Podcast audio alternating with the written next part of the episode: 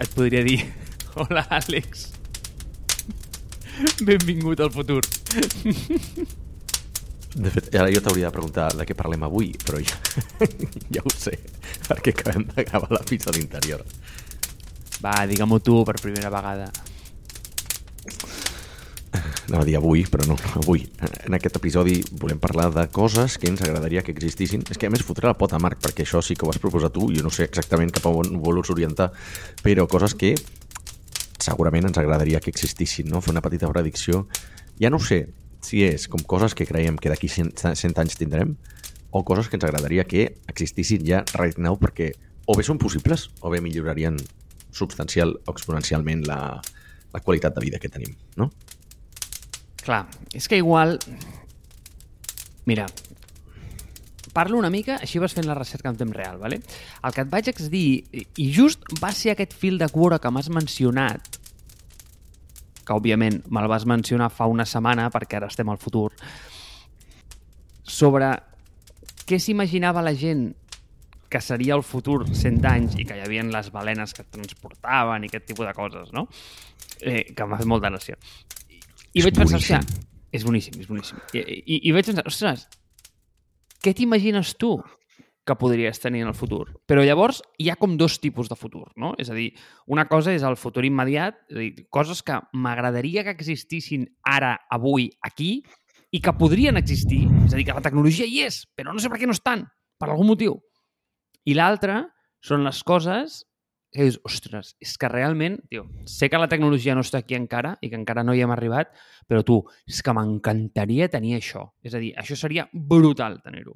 Llavors et vaig dir, podríem posar com aquest, aquests dos tipus d'escala, aquests dos tipus com de, mm, de filtres. Val? Portant en el fil de Quora, hi ha un tema que em sembla interessant i és com de quina manera generen les, les prediccions futures, no? I una de les coses que tens, i el que et dona una mica aquest fil, és tendim molt a sobreindexar el que ja tenim i amb això projectem el, el, el futur. És a dir, projectem el futur en base amb la tecnologia que tenim i llavors tendim a sobreindexar amb les coses que en aquest moment són tangibles. Exemple molt tonto. Si tu mires pel·lis distòpiques o futuristes dels 50 i s'imaginen els 2000, com se'ls imaginen? Se'ls imaginen plens de metall, tubs, mm, exoesquelets... És a dir, ja és, són molt hardware-based. Per què? Perquè llavors el que hi havia disponible, que era aquest tipus de coses, llavors el que feien era com projectar aquesta imatge cap endavant, quan en realitat res més lluny de la realitat, perquè a dia d'avui eh, el hardware, anem a dir, que ha evolucionat molt a poc a poc, a la, eh, comparat amb el, amb el que ha evolucionat la part de software. I llavors hi ha moltes més pantalles, hi ha molts més píxels que no pas àtoms, no? I si no, doncs escolta, comença a mirar pel·lis distòpiques, tipus Blade Runner, Star Wars, veuràs que el futur que s'imaginen és extremadament metàl·lic. I dius, és que res més lluny de la realitat. O sigui, tot el que hi ha aquí són pantalles, no? En canvi, quan tu mires les pel·lícules d'avui en dia que s'imaginen el futur, què tenen? Tenen com pantalles impossibles. Tot està ple de pantalles. Pantalles impossibles són unes són curves, apareixen sobre les taules, sobre els vidres, sobre les parets, absolutament sobre tot, però tots són pantalles, no? Eh, I si no, doncs, i mirad, jo què sé, eh, Minority Report, per exemple. No havia caigut en això. Un altre concepte que crec que és interessant és el de que, en realitat, sí que és cert, eh? eh, et compro absolutament el, el tema aquest de... No coneixia el verb sobreindexar, per començar, però el de pensar com serà el futur en base al que tenim, no? Aleshores penses, hòstia, si jo estic treballant amb un ordinador i he de projectar el futur, per tant pensaré que els ordinadors són millors. És que potser d'aquí 100 anys no hi ha ordinadors, no? Pensem que els cotxes seran millors perquè ens desplacem en cotxes, però potser d'aquí 100 anys no hi ha cotxes, no? Eh, clar, aquestes són les coses que no, no podem predir, però el que sí que està clar és que les coses que sí que tenim ara i que s'utilitzaran d'aquí 100 anys seran molt més eficients i, i, i, i molt millors que el que tenim ara. Un concepte que trobo molt interessant és que el progrés tecnològic de, et diré que potser fins, al, fins als anys dos, fins als anys 2000 o potser fins l'última dècada del, del segle passat és que l'ésser humà es va capficar en fer visible la tecnologia. No? És a dir, progrés tecnològic, anem a visibilitzar-lo. I aquí ara tens un ordinador a casa, i ara tens un mòbil a la, a la, a la butxaca, i ara tens un no sé què, un no sé quantos, no? Coses que tendíem a visibilitzar per fer-nos veure el progrés. Mentre que el que percebo jo avui en dia és que estem revertint aquest procés. Ara cada cop el progrés va més en invisibilitzar la tecnologia, que al final és un mitjà, no? perquè volem fi fixar-nos més en els, en, els, en els objectius. És a dir, i ara eliminarem gadgets, doncs el que dèiem, no? un telèfon d'avui en dia és la suma de 4 o 5 gadgets que portàvem abans a les nostres butxaques. No? Eh, la, potser les claus, la càmera fotogràfica, la cartera, eh, i, i quatre o cinc coses més, no? Si, si volguessis una llanterna i no sé quantes altres històries que, que, que, té un, que té un smartphone avui en dia, no? Estem tendint a invisibilitzar coses i a, i a reduir-les. Quan deies l'exemple de les pantalles, per mi és paradigmàtic. És a dir, quan tu veus Minority Report i dius, clar, t'imagines unes pantalles impossibles. Però en moltes d'aquestes sèries, i no sóc la persona més adequada per parlar de sèries, no es fa servir tecnologia conversacional. És a dir, el més similar que trobes és Star Trek, no? que tenien l'assistent aquest que, que li deien, hòstia, ara ambienta'm uh, com si estigués a la selva, o fes no sé què, o teletransporta'm a tal lloc, no? I allà tenien una tecnologia conversacional que no es veu a les altres pel·lis i sèries futuristes. I en canvi és cap a on estem tendint ara, no? O sigui, eliminarem les, les, les pantalles, eliminarem la, la introducció de text escrit, passarà a ser tot conversacional, no? O sigui, jo... Però fent aquest exercici que dius tu de sobreindexar, jo ara m'ho imagino així, al futur. Però és que potser no serà així, saps? Vull dir, potser ja d'aquí 100 anys el que ni tan sols parlem, o sigui, directament es llegirà el que volem del nostre cervell i això es projectarà a l'assistent la, virtual que tinguem, saps? Vull dir, mmm, és curiós i a la vegada eh, ho trobo complexa de fer prediccions i per això quan mires posts de prediccions com aquest, el de, el de Quora, que, que podríem posar-lo a les, les notes de, de l'episodi, veus coses que són completament fora de lloc, no? Et diu, hòstia, és que hi ha, hi ha una que és graciosíssima, que posa vaixells que van sobre rails, com si fossin trens, saps? Vull dir, posen uns putos rails al mar i els vaixells van sobre aquests rails. Ja em diràs quin puto sentit té això, no?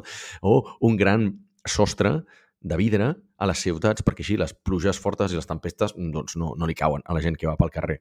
Fantàstic, quin puto sentit té això, no? Segurament no té, ni, no té sentit ni cap tipus de fonament físic.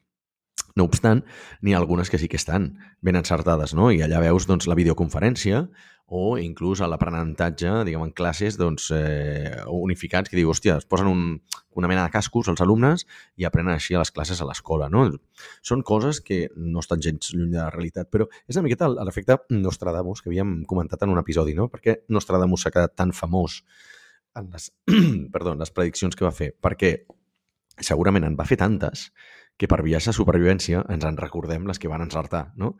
Però totes les altres tonteries i coses absolutament impossibles que va pronosticar i no han succeït, aquestes no ens en recordem perquè, evidentment, no creen cap tipus d'impacte en nosaltres. No? I crec que qualsevol predicció que puguem fer nosaltres sobre tecnologia de què hi haurà d'aquí 100 anys pecarà una mica d'això. Direm coses que són absolutament inverosímils, que potser tenen sentit ara, amb el que coneixem, i hi haurà coses que, que diràs, hòstia, sí, és que és de calaix, no? O sigui, podríem fer, si haguéssim de fer una llista de 10 prediccions, ja et dic jo que 3 les encertaríem. Per què? Perquè potser eh, són coses tan òbvies que acabaran succeint sí o sí. Però les altres no... O sigui, crec que estan tan fora de rang que probablement són derivades d'una tecnologia que ni tan sols coneixem avui en dia. Clar, és que és molt interessant el que dius, no? Perquè, fixa't, eh, hi, hi ha aquest llibre que a mi m'agrada molt i el, el recomano a tothom, eh? Que l'autor realment no és molt conegut, Joseph Strauss o una cosa així, que es diu Where's My Flying Car? Perquè e, és molt real, no? Si te'n vas Clar. als anys 70, 80, què teníem? Eh, que era com el pinacle de l'evolució. Era el cotxe, no? voladors. Ah, Clar, val. i, exacte, era el cotxe. Llavors, què t'imaginaves que era el següent? Eh, o sigui, el pinacle de l'evolució que era? Pues, L'aviació i l'automoció, la, no? Llavors, eh, què, què et pensaves llavors en els 50 o en els 60 que seria el següent? Pues, home, pues una amalgama dels dos són cotxes voladors. Evidentment, el transport està com molt candent, no?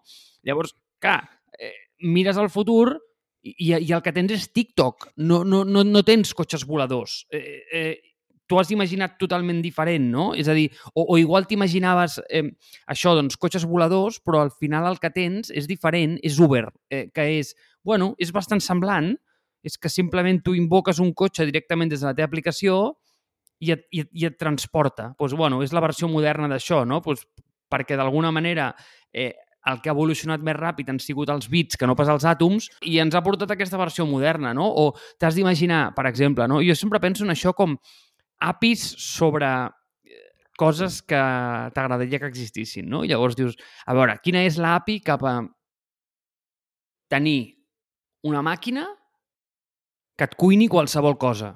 Què és? Bueno, és Globo. És Globo. És claríssim. Eh, és a dir, no existeix una màquina que et cuini qualsevol cosa. No, no hi és. Si Jo estiguéssim hauria al pensat 60... en la Thermomix. Jo hauria pensat en la Thermomix, però clar... Eh, vale, estic d'acord, eh? estic d'acord, però et pot cuinar qualsevol cosa, Àlex. És a dir, eh, tio, la cosa més boja, no? Llavors, eh, que una Thermomix no pot. Llavors, Bueno, si Globo, estigués- tampoc, tampoc és que puguis demanar certes coses si no està a la teva ciutat. Vull dir, mireu des del punt de vista de Barcelona, però mireu des del punt de vista de gent que està en un poble i potser no tenen Globo per començar, però si el tenen poden demanar els dos restaurants a la pizzeria i, i poca cosa més que hi ha al poble, saps? Vull dir, Vale, tens Hmm. raó. Gràcies, gràcies per la dosi de realitat i posar-me els peus al terra. Però imagina't que vius en una ciutat, vale? Llavors, Val. que... sí, hòstia, si no em dos torres l'exemple, macho. Eh, què és el que passa? pues que agafes i dius, si estigués al 60, com m'imaginaria això? pues tu, segur que t'ho imagines com un robot amb braços que t'agafa els ingredients, te'ls comença a cuinar davant teu i t'ho fa, saps? En canvi, com és? Bueno, pues, és una mica més avorrit, perquè en realitat no hi ha robot, perquè no el veus. És una dark kitchen d'aquelles eh, que està mullet. Però tu et ve de gust menjar un pad thai, que és un tipus de cuina que fins fa 30 anys era un concepte absolutament restringit al sud-est asiàtic i aquí no sabíem ni absolutament el que era i amb tres taps de, del teu polze doncs, escolta, t'arriba a casa, calent, perquè te'l puguis menjar, amb un potet. I dius, hòstia, eh, l'outcome és el mateix? Tio, idèntic, igual, el mateix. Eh, la manera com tu imaginaves era... I és aquesta? No exactament, però it's what it is. Val. És a dir, quins són... Aquí, per tant, entrem en matèria, no? Quins són els invents que a tu t'agradaria que existissin? Va, quins vols primer? Els de... mm, Els del curt plaç o els de... o els de llarg plaç? Eh, T'ho posaré d'una altra manera. Quins has robat de Doraemon o de Star Trek? Perquè tots els meus són aquests. Són les meves referències que tinc del futur, que són Doraemon i Star Trek. O sigui, bàsicament tu el que vols és una, mm, és una butxaqueta que et porti al... Eh, què feia la butxaca al Doraemon? Treia el que La fos, butxaca no? màgica... No, sí, era, bueno, butxaca ah. màgica del Doraemon és una miqueta com Dropbox o un telèfon mòbil, saps? Vull dir, pots fer el que vulguis amb, amb allò. No, no, no, no, no però, però bueno, no, no havia pensat precisament en la butxaca, eh? però, però sí que és veritat que hi ha certes coses que dius, hòstia, jo em posava a pensar i fer prediccions d'aquestes, o sigui, els dos minuts que he fet abans de començar a gravar, i dic, eh, collons, és que jo tot el que necessito, en realitat ja ho he vist a algun lloc. O sigui, no sé com la gent pot tenir aquestes invencions de dir, pues vaig a inventar-me, doncs això, transport subaquàtic amb balenes domesticades. O sigui, o sigui quanta, quanta droga hi ha en aquesta predicció. Val, comencem pel Vale, curt va. plaç, va. Curt plaç. Vinga, va, et doni els meus, vale? Mira, Vinga. el, el, del curs, el del curt plaç eh, ha de ser una cosa que podria existir a dia d'avui, eh? Mm -hmm. No té per què ser una cosa que dius, oh, és que això canviarà la societat. No, és una cosa que et serveixi a tu. D'acord? Llavors, fixa't, fixa't. Val. A mi el que em serveix seria, i això podria existir a dia d'avui perfectament, però no ho fa, per algun motiu. És, tu saps que jo sóc un absolutament enamorat de les llistes, d'acord? Sí. M'agradaria donar-li ítems aleatoris i que me'ls classifiqués, per exemple, per temàtiques. Exemple.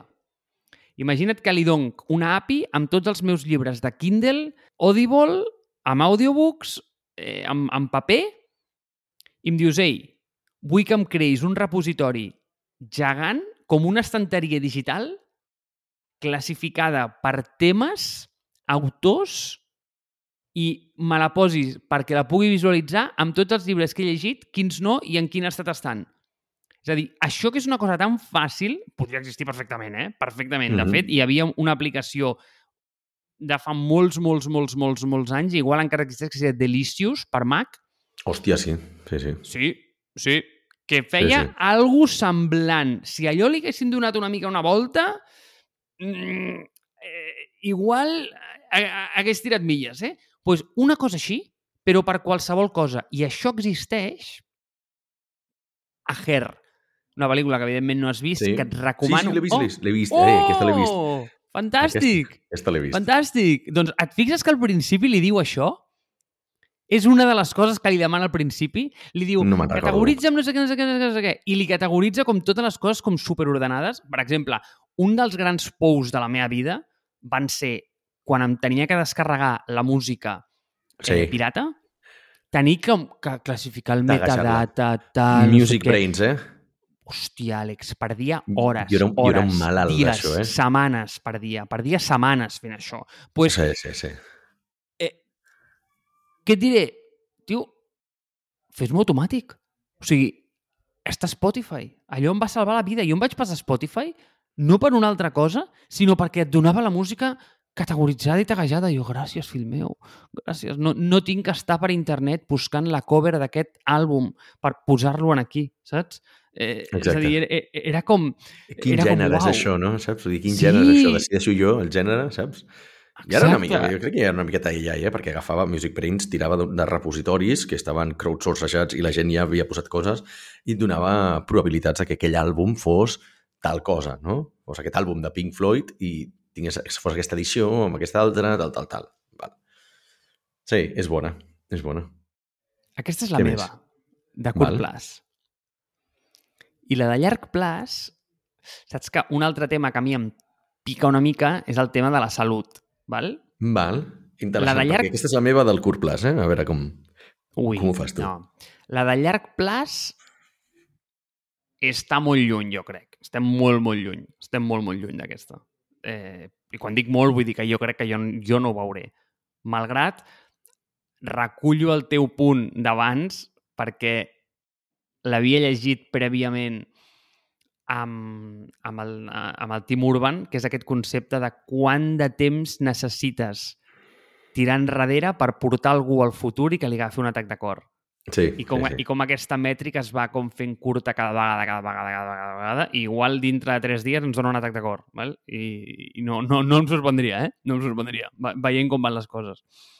Doncs, eh, per què t'ho estava dient? Sí, t'ho estava dient perquè el que jo m'imagino és... I això és una mica distòpic.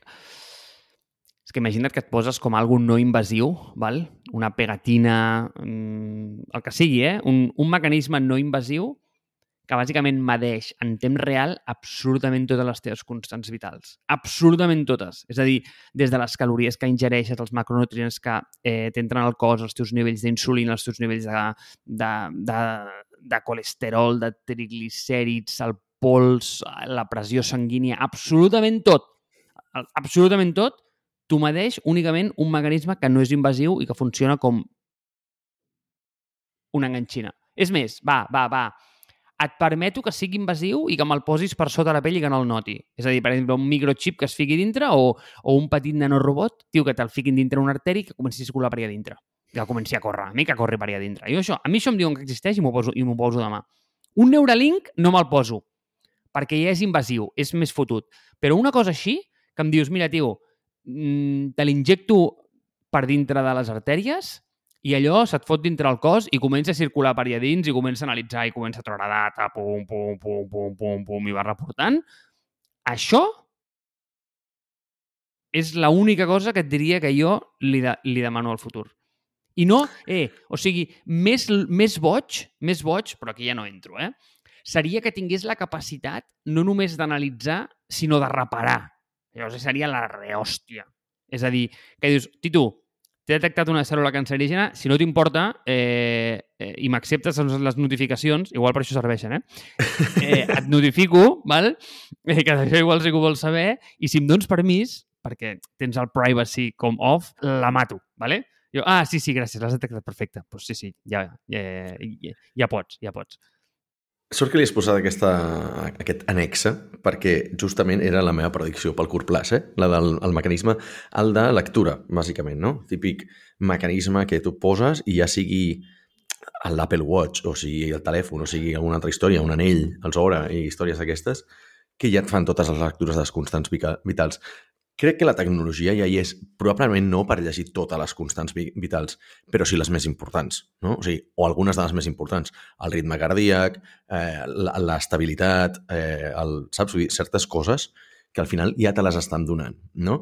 Si comentàvem en un episodi anterior que Apple havia estat treballant en un dispositiu eh, sense punció per mesurar els nivells de glucosa a la sang, és que la tecnologia ja està aquí, no? Aleshores, em resisteixo a pensar que trigarem 100 anys a tenir aquest dispositiu. Jo crec que és una cosa que a la que Apple li foti una miqueta més de canya eh, ho anuncia d'aquí per dir alguna cosa, eh? dos o tres anys que ja tenen aquest dispositiu. Evidentment no tindrà totes les constants vitals i hi ha moltes que no les necessites. Però sí que és cert, perquè igual també la sobreinformació també és perillosa, no? Hi ha molts, mmm, molts, moltes dades que probablement no siguin rellevants per tu. Però el que és més probable és que tu, com a persona del, de la teva edat, si i eh, estàs en el teu sector i tal, tal, tal, tal, tal, les més rellevants per tu siguin eh, el, el teu estat de cardio, bàsicament, no? o sigui, els teus, eh, les teves lectures de, de batecs de cor i eh, els nivells d'estrès, per dir alguna cosa, no? Vull dir, o com dorms, no? Com la tecnologia que hi ha, doncs, la gent que tenen els 8 sleep i, i, i gent així. Però una gent, una persona que té aquests problemes eh, cardíacs perquè és més sedentària, té 70 anys i és un home amb sobrepès, doncs aleshores probablement li has de, li has d'estar fent altres tipus de lectures i seran aquestes les que els donaràs. Jo, per mi, aquesta era la predicció del curt plaç. És a dir, jo és una tecnologia que necessito ja.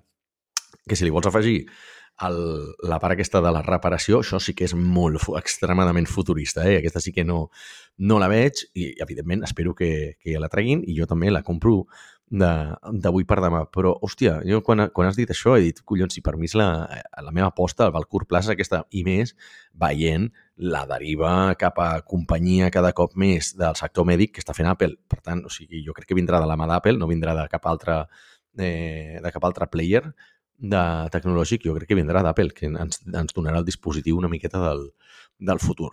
Això, per mi, és el curt pla. Segurament se m'acudirien altres coses, però crec que no són tan rellevants o no són... O sigui, és a dir, perdó, per què crec que hauria de tenir o, o crec que la considero tan impactant aquesta tecnologia? Perquè crec que de la mà d'Apple sí que es pot arribar a convertir en un estàndard de societat. És a dir, com hem convertit, com donem per suposat que qualsevol persona al planeta té un número de telèfon, no? Eh, i té un, té un, un mòbil a la butxaca. Doncs exactament el mateix. Jo no percebo una societat d'aquí 100 anys que no tingui aquest dispositiu i on tothom ja vagi amb el, amb el seu catxarret que li digui, doncs, ojo, que potser estàs, estàs derivant cap a l'estil de vida que, que estàs tenint t'acaba d'augmentar un tant per cent les probabilitats de desenvolupar Alzheimer d'aquí 15 anys. Val? Aquesta tecnologia també hi és. Eh, l'havia mencionat fa, fa un temps la gent de Flexi d'aquí de Barcelona ja ha desenvolupat aquesta tecnologia que a través de com escrius en el teu telèfon mòbil, o sigui, el seu teclat és un predictor de eh, malalties neurodegeneratives. Val? Ho han desenvolupat de la mà de grans players del, del sector farmacèutic i, hòstia, ho trobo una, una cosa al·lucinant. És a dir, com tu escrius el telèfon, et pot predir que d'aquí 15 anys tindràs, a, tindràs Alzheimer. O sigui, ho trobo una cosa de ciència-ficció, val? però si sumes això, més el d'Apple, més altres coses que no sabem perquè no hem fet la recerca o no estem al dia, segurament aquesta tecnologia ja la tenim aquí, però falta ensamblar-la perquè està amb moltes peces repartides per tot arreu i falta algú que ho faci bé i tingui la distribució per fer-ho a, a escala mundial. No?